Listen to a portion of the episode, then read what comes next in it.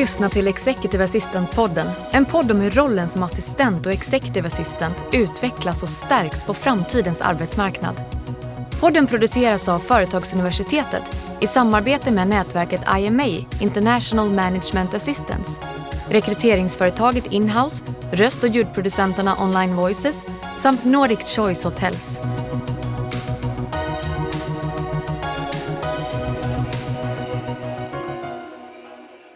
Välkommen till Executive Assistant-podden där vi pratar med världens bästa kollegor om världens bästa jobb. Jag heter Daniel och idag har vi ett fantastiskt avsnitt framför oss.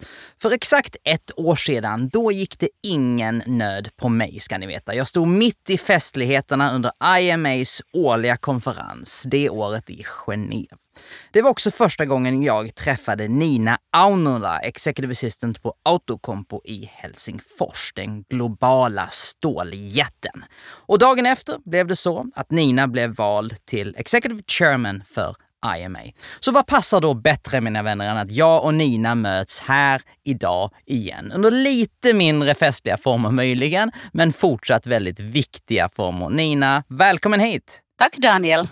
Nina, det, vi började med att berätta om IMA-konferensen för ett år sedan och det är ju så att året sedan dess har ju varit ett omtumlande år för oss alla. Hur, och du är ett år i din roll inom IMA. Går det ens att summera det här året som vi har bakom oss? Ja du, det, det har varit verkligen intressant måste man säga på många sätt och vis. Det, det har varit um, omvälvande det har varit skrämmande, det har varit sorgligt, um, förutom att det förstås då har även varit intressant. Och nu har man ju, mm. nu har man ju till, till stor del blivit van helt enkelt. Mm. Om man nu kan kalla det för att bli van, men att man har liksom adapterat mm. sig till, till vad som pågår. Um, om man vill summera året kanske så skulle jag säga att det har varit ett år där man jag upplever själv, jag kan bara tala, tala för mig själv förstås, men jag upplever själv att jag har lärt mig mer mm. under det här året än, än, jag har gjort på länge så att säga.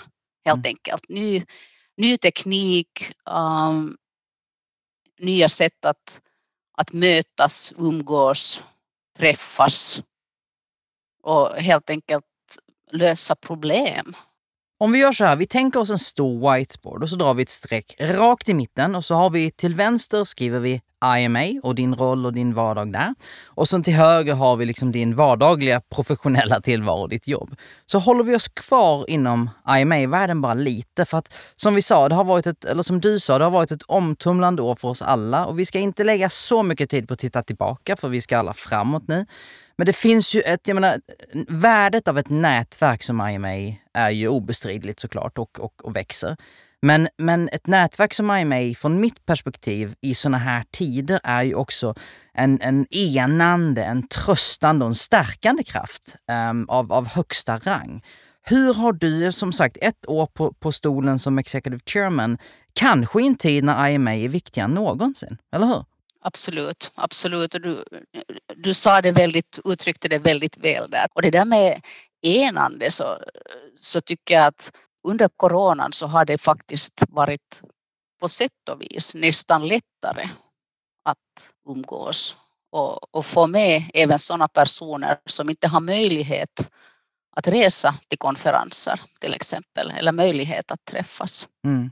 Och det har gjort nätverket starkare upplever jag plus även det där att man, man är i samma båt så att säga och man har delat erfarenheter med, med varandra. Och... Mm. För det är ju precis som du sa inledningsvis att en sån här upplevelse är ju såklart förkrossande för en del människor som får sin, sin arbetstillvaro uppryckt. Um, och, och den är också exalterande, måste man vara ärlig och säga, för andra. Som för vissa bolag går in i en väldigt spännande tid. Och, och det handlar ju om att, att, hantera det. Och i ett nätverk ser jag framför mig, kan man dels balansera det, men dels så kan man ju också den ena falangen hjälpa den andra så att säga. Så att man, man, man, man hjälper varandra till, till att hoppa till nya stenar. Liksom. Um, Absolut. Har, har, du själv haft interaktioner med människor som har upplevt det gångna året på, på, på det tuffare sättet så att säga? Det har jag. Det har jag. Och, och det vi försöker göra är ju att hjälpa i mån av möjlighet och, och ge alternativ helt enkelt hur man kan fortsätta trots allt. Hur skulle du själv beskriva värdet av ett nätverk?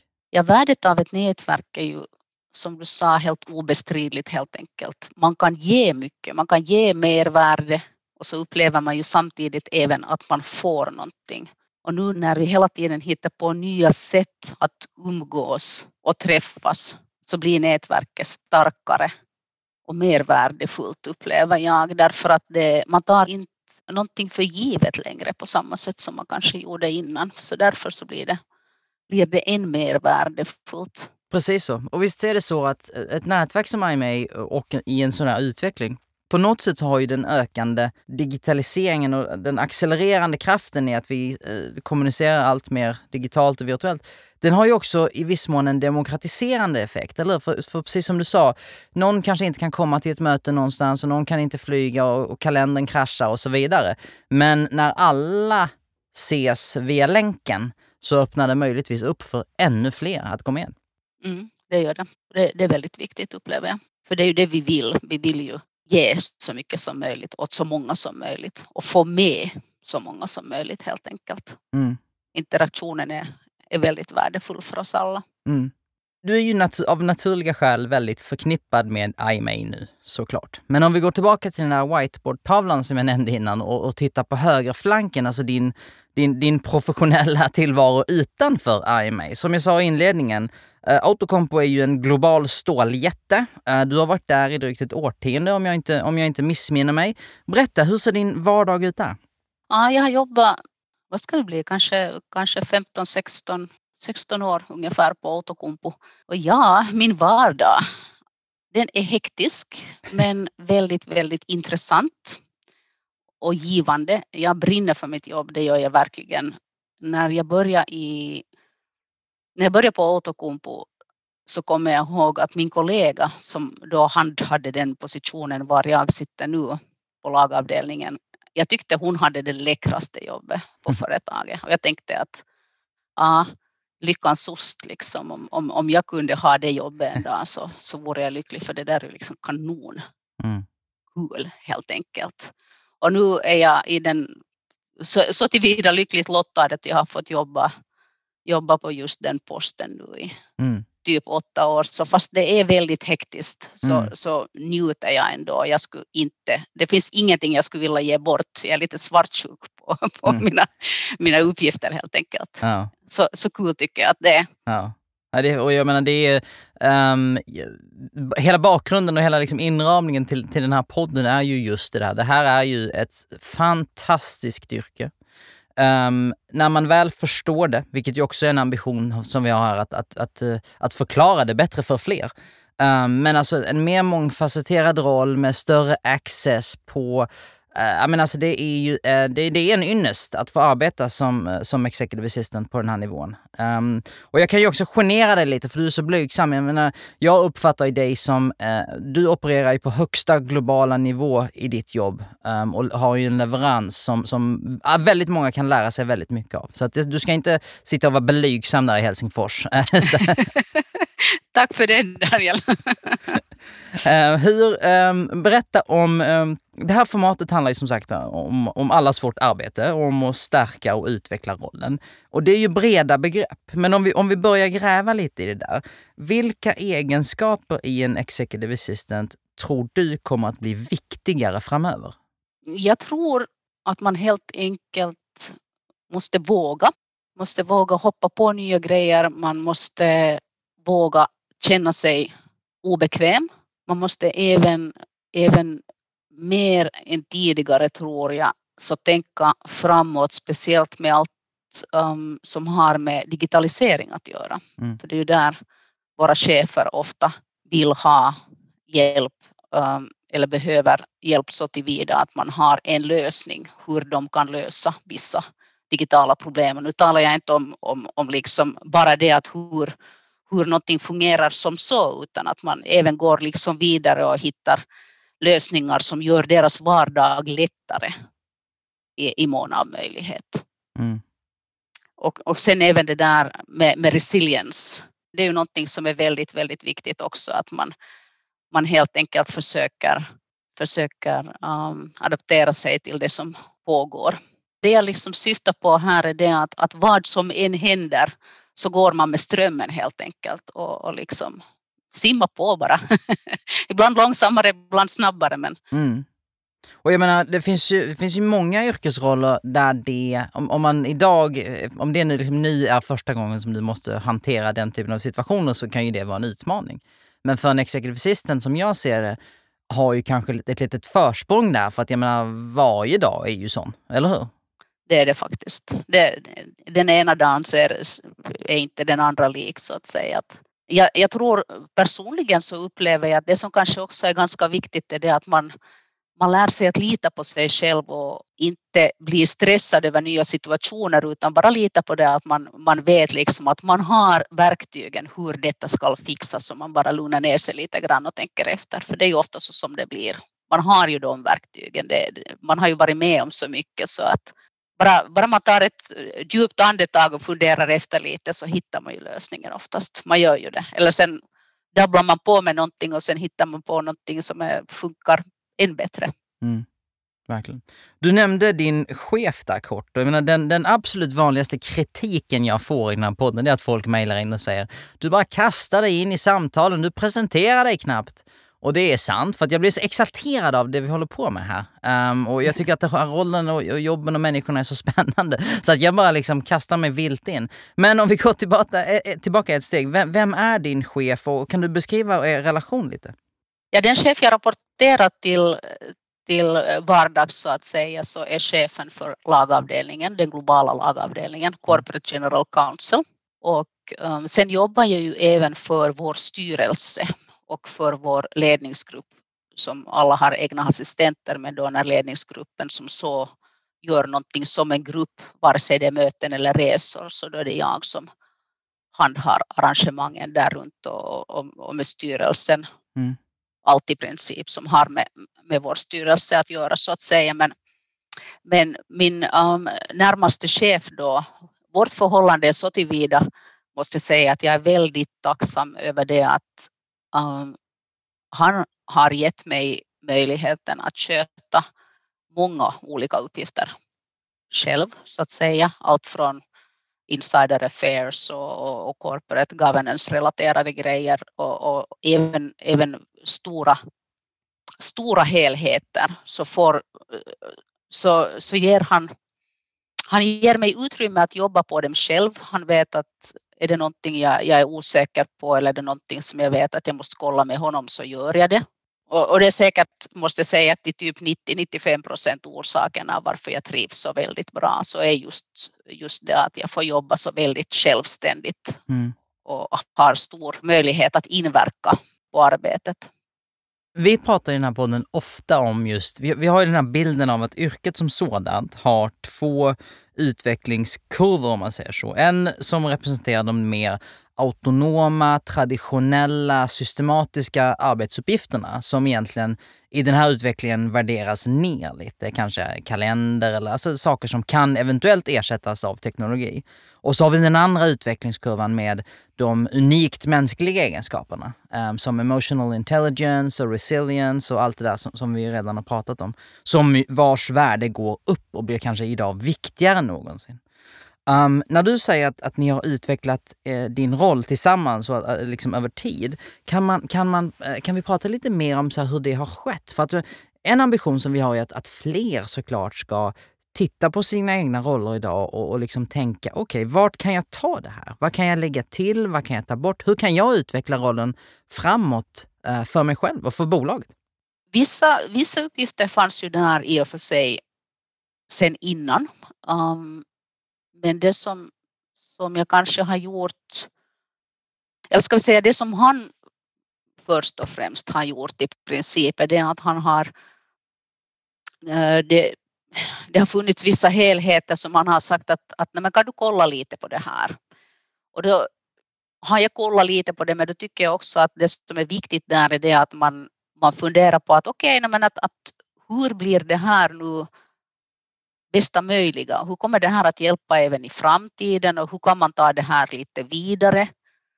Och sen, sen ofta så, så tycker jag att när vi har suttit, suttit oss ner tillsammans och gått igenom saker och ting så, så har han föreslagit, föreslagit någonting, någonting till kanske eller vi har ändrat på någonting och sen har det liksom med tiden blivit sen bara bättre och bättre. Men, men sen det andra som, och, det rådet så, så har jag alltid även gett, um, jag jobbar sex år alltid, alltid um, en studievecka eller så ungefär på, på höstarna för någonting som heter University of Applied Sciences, Haga Helia i, i Helsingfors. Och där, där så, så lärde jag, eller före, föreläste jag för, för Bachelors of, of Business Admin uh, studerande. Och där sa jag alltid att den, den liksom, en av de största aha-upplevelser jag har fått i min karriär, i, i början på min karriär i något skede, så förstod jag att om det finns någonting som jag tycker är jätteintressant, det spelar ingen roll kan jag det eller inte. Utan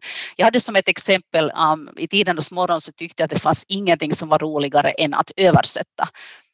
Och då helt enkelt när det kom ett tillfälle att översätta någonting så sa jag att ja, men jag kan köra på med det där, jag kan försöka på det där. Och det, det gick inte många gånger, jag menar det, det, det gick inte eh, en lång tid heller förrän förrän mitt i allt så var jag liksom the go-to person när det var fråga om översättningar. Så det, ja, men Nina sköter våra översättningar. Typ.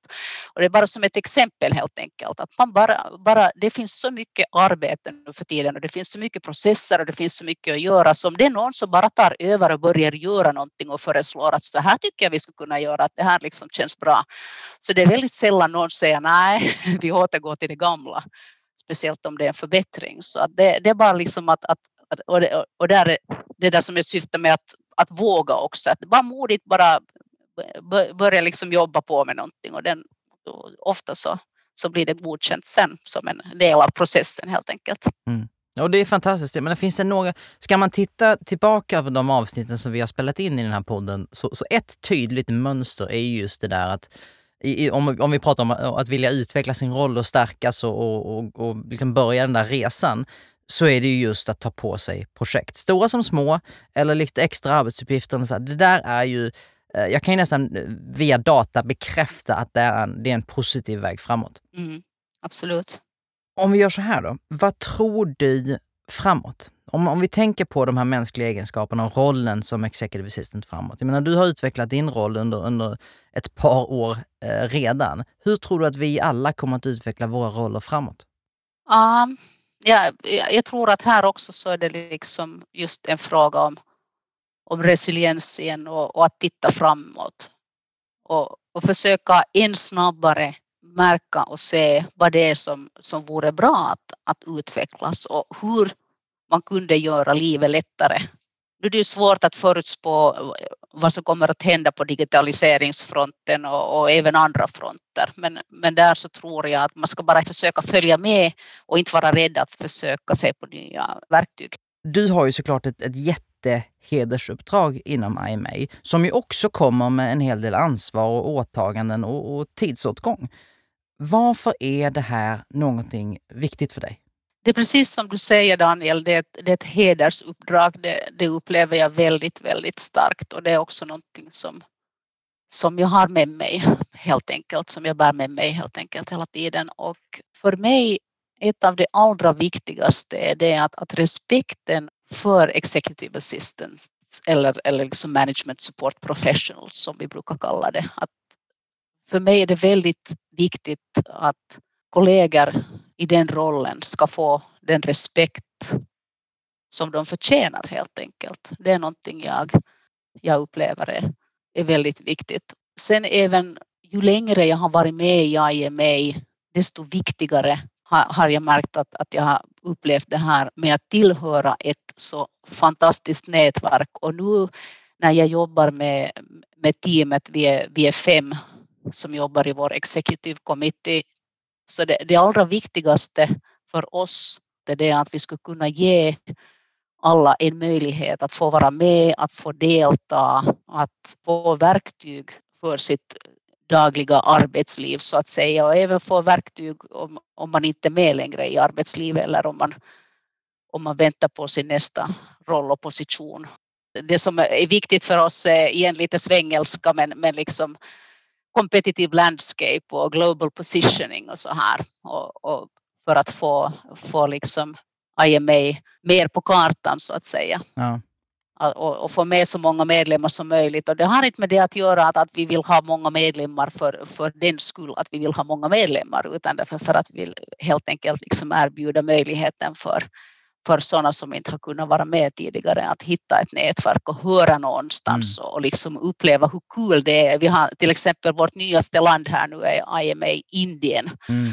och, och, och, det har, och, och även Turkiet som deras grupp eh, vart stängd emellan och nu, nu är de tillbaka igen, igen med styrka så att säga. Det har varit så roligt och så fint att få följa med när, när medlemmarna är, är, är så, så liksom lyckliga över att ha ett nätverk att mm. höra till och, och var, var man får dels nationellt i sitt eget land prata sitt eget språk med sina egna kollegor men också att ha det där internationella sen, att du kan ha kontakt med, med kollegor runt om världen och få en, få en mycket bredare syn.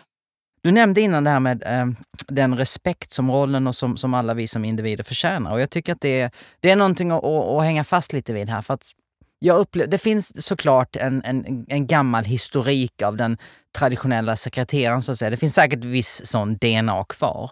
Men ett, ett ännu större problem idag upplever i alla fall jag, och rätta mig om jag har fel, just det här att din närmsta chef ofta vet ju precis vilket värde du tillför och, och, och så vidare.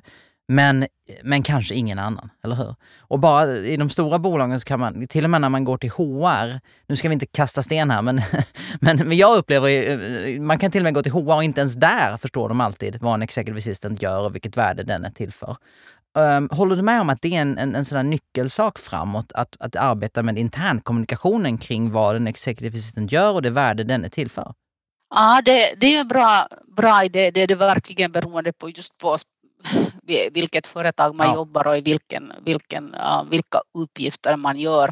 Det som jag har upplevt personligen och det kan hända att, att jag har fel eller att jag har för snäv syn på saker och ting men, men det som jag på något sätt har upplevt nog är det att, att det, det är mera känt för det första vad, vad en executive assistant gör eller en assistent gör men även det att, att rollen har blivit så pass mycket bredare också, tycker jag, inom de, de, de gångna åren. Um, så även därför så det hjälper liksom till en hel del att, att man får, eller att det finns en bättre tillsyn helt enkelt, insyn mm. på det, mm. att vad, vad den rollen kan innebära. Och sen, sen har jag även upplevt att det är ofta så att, att chefer när de skriver varandra så, så har jag märkt att det, det är ofta så att de lägger in sin assistent i kopia och så säger de att ja men, men, men bolla det här med min assistent eller din assistent kan bolla med min assistent och så vidare. Det finns även, även tycker jag tecken på det att cheferna är stolta över att de har en assistent och de vill mm. gärna liksom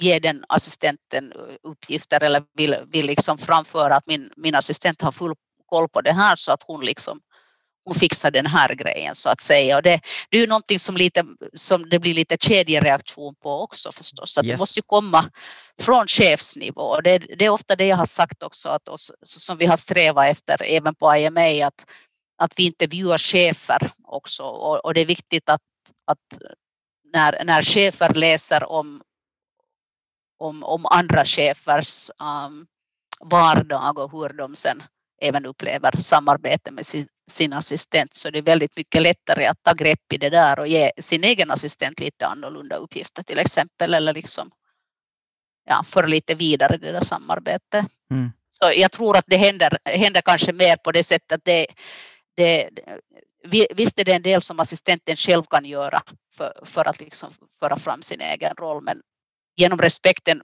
man får från sin chef så jag tror det är nästan den en, en nyckelfaktor helt enkelt. Mm, mm. Och kanske den allra tydligaste av signaler både internt och externt, eller Ex Ja, precis.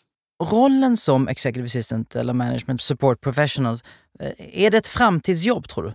Absolut, och jag måste säga att jag tycker att det är så intressant och, och det, det, sa jag alltid till de här studerande jag föreläste för också. Jag sa att det finns ingenting som, så det, det uttrycket just an executive or just an assistant så det ska liksom sopas bort.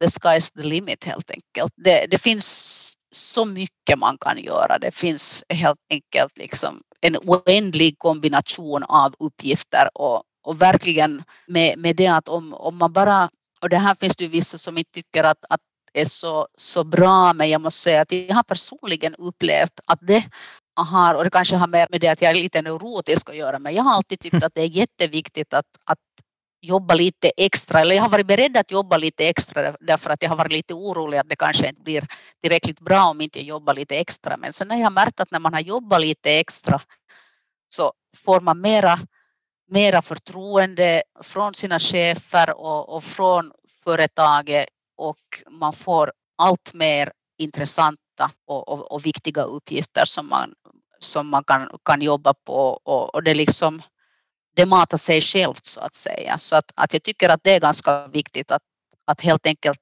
um, och, och, du pratar om framtiden där, så, så det att, att man tar ansvar över sin roll. Så, och ansvar på det sättet att, att man verkligen liksom försöker göra det mesta man kan av, av den, den rollen i, i alla situationer. För att det är nog någonting som kommer att bli viktigt när det finns finns mycket arbete och, och, och, inte så många människor som gör arbetet i ett företag så kan man lätt få väldigt, väldigt intressanta uppgifter. Mm. Och nu kommer jag på mig själv, låt oss inte glömma bort det. Du, du föreläser alltså för universitetsstudenter inom business support eller management support, eller vad sa du? Jag gjorde det under sex års tid, men när jag tog emot det här hedersuppdraget då från, blev vald till IMAs ordförande så sa jag att, att jag kommer inte att kunna kunna fortsätta med det för att det finns helt enkelt inte tillräckligt tid. Ja, men vad brukar du föreläsa om? Om rollen mm. så att säga. Ja, management support professionals, vad den rollen innebär, vad allt, allt det kan, kan innehålla helt enkelt. De hade alltid haft någon som föreläste i den positionen tidigare men inte någon som själv hade jobbat i rollen och då ville de, någon, då ville de ha in en föreläsare som är executive assistant. Och man vet ju det när man föreläser att, att eh, man vet ju att så här, man kan ha en fantastisk timme där eller två eller tre där, men sen kommer inte alla att komma ihåg allt. Eh, så tänker i alla fall jag när jag föreläser. Det kanske säger mer om mig i och för sig. Men, men, men när du gick in eller förberedde dig för de där föreläsningarna, fanns det saker som du tänkte att så här, ska jag lämna den här klassen med en, två eller bara tre saker så vill jag lämna dem med det här, eller att de ska komma ihåg det här. Och, och där, där tror jag att var just de, de de viktigaste så, så hade nästan egentligen men en var, en var sådär från en, en liksom mera professionell aspekt så var det här med corporate governance för det är någonting som är väldigt nära mitt hjärta, allt som har med hur ett börsbolag, börsnoterat bolag fungerar helt enkelt. Um, frameworken där, det, det, är någonting som jag brinner för och det är någonting som jag upplever är nära mitt hjärta så det, det ville jag berätta om och, och, och, och lära helt enkelt. Um, för det är någonting som är alltid viktigt att veta var man nu sen än finner sig så är det viktigt att veta. Men det andra var just det där med att alltid göra lite extra om det alls finns intresse att göra lite extra, om man har en möjlighet att göra lite extra, att verkligen liksom ta sig den tiden att försöka göra så bra ifrån sig som möjligt, så tidigt som möjligt för att det helt enkelt betalar sig själv tillbaka så att säga. Mm. Och även det där med att, med att ta över sådana uppgifter som man tycker är intressanta och, och liksom ge sin chef möjligheter att ha ett lite lättare arbetsliv. Och sen kanske det sista är egentligen det väldigt klassiska att man ska, man ska inte ge sin chef en massa problem utan man ska, man ska ge honom eller henne lösningar. Det, det är också någonting som man kan göra väldigt sådär liksom självständigt och självmant också. Mm. Jag upplever dig som väldigt hårt arbetande. Jaha, just det. Har du rätt i. jag, jag, tänker så här, jag tänker så här, jag skulle inte vilja vara hennes fiende, så tänker jag. Jaha, okej. Okay. Nej, men, men skämt åsido, jag, jag upplever det som väldigt systematiskt och hårt arbetande. Och det är ju, ibland kan det vara lite känsligt att ge råd till unga människor att du måste jobba hårt och så, men, men det finns väl inget fel i det, eller hur? Nej, nej det tycker jag inte. Det, det är ju kanske lite sådär att det, det beror ju på vad man, vad man vill helt enkelt. Det finns ju, det, det sägs ju ofta, åtminstone i Finland så sägs det, sägs det ofta att, att, att millennialerna och, och liksom den här nu, nuvarande liksom, unga generationen, att, att de, de mer upplever att fritid är viktig och, mm. och, och hobbyn och sådär. Och jag har absolut ingenting emot det, verkligen inte. Jag, menar, jag kan bara tala för mig själv. Jag, jag, jag kan bara säga liksom att, att det jag har upplevt har varit viktigt för mig och funkar för mig. Det, det är liksom bara det jag kan tala om egentligen. Men samtidigt så förstår jag ju själv också att, att visst, visst kunde det ha varit bra att ta det lite lugnare emellanåt. Det, det är ju helt klart. Och, och vara lite mindre liksom neurotisk eller lite mindre ja, kanske man inte kan vara mindre ansvarsfull, det rekommenderar jag inte, men, men liksom att man det, det, finns ju alltid en massa ogjorda grejer som inte tillhör någon, så man behöver kanske inte axla alla. Och, och då är det också, och det var bra att du tog fram det här, för att det som jag också alltid har sagt är det att, att det är jätte, jätteviktigt att man även hittar sätt att, att koppla av och, och liksom koppla av sin hjärna och, och liksom hittar, hittar sätt att ladda, ladda sig själv igen. Att, att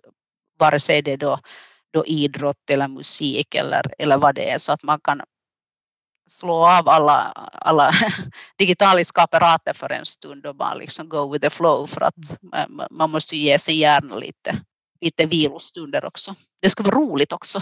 Exakt. Vad, vad gör du själv då när du behöver koppla av?